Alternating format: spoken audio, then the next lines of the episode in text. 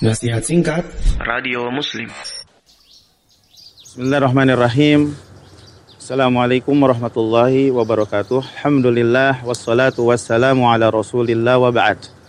Saudara-saudariku yang dimuliakan Allah subhanahu wa ta'ala uh, Dalam nasihat pendek ini Ada yang perlu kita sama-sama perhatikan Yang dilupakan oleh banyak manusia Keumuman manusia Eh, yaitu perhatian kita kepada hati di mana hati itu memiliki kedudukan yang amat tinggi. Ya. Allah Subhanahu wa taala mengutus para utusan Allah Jalla Jalaluh dalam rangka untuk membersihkan hati.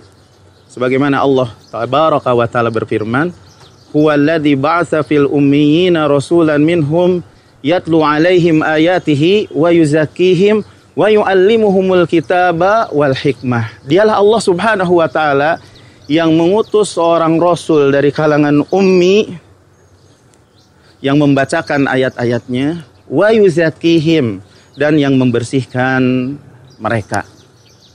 Ini menunjukkan tentang pentingnya kita untuk memperhatikan hati kita.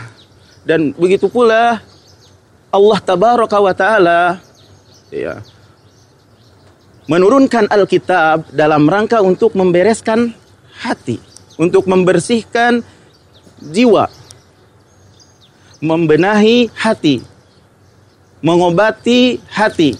Ya ayuhan nasu qad ja'atkum mau'idhatun min rabbikum wa shifaa'un lima fis sudur.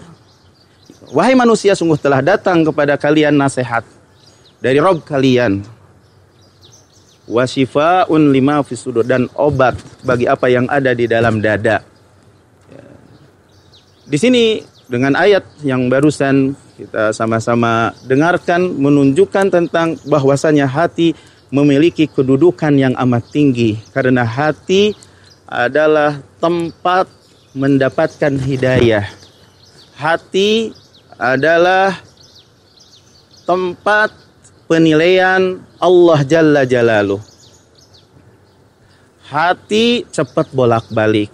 Oleh karena itu, kita sebagai kaum muslimin jangan fokus memperhatikan badan kita biar bugar, sehat, kuat, tapi bobrok hatinya. Hal yang demikian itu tidak akan bermanfaat jika hatinya rusak. Oleh karena itu Allah Subhanahu wa taala membinasakan kaum yang bentuk postur tubuhnya kekar, memiliki harta yang banyak, dan akibatnya buruk tatkala hati mereka buruk. Demikian yang bisa disampaikan mudah-mudahan bermanfaat. Wassalamualaikum ala nabiyyina Muhammad.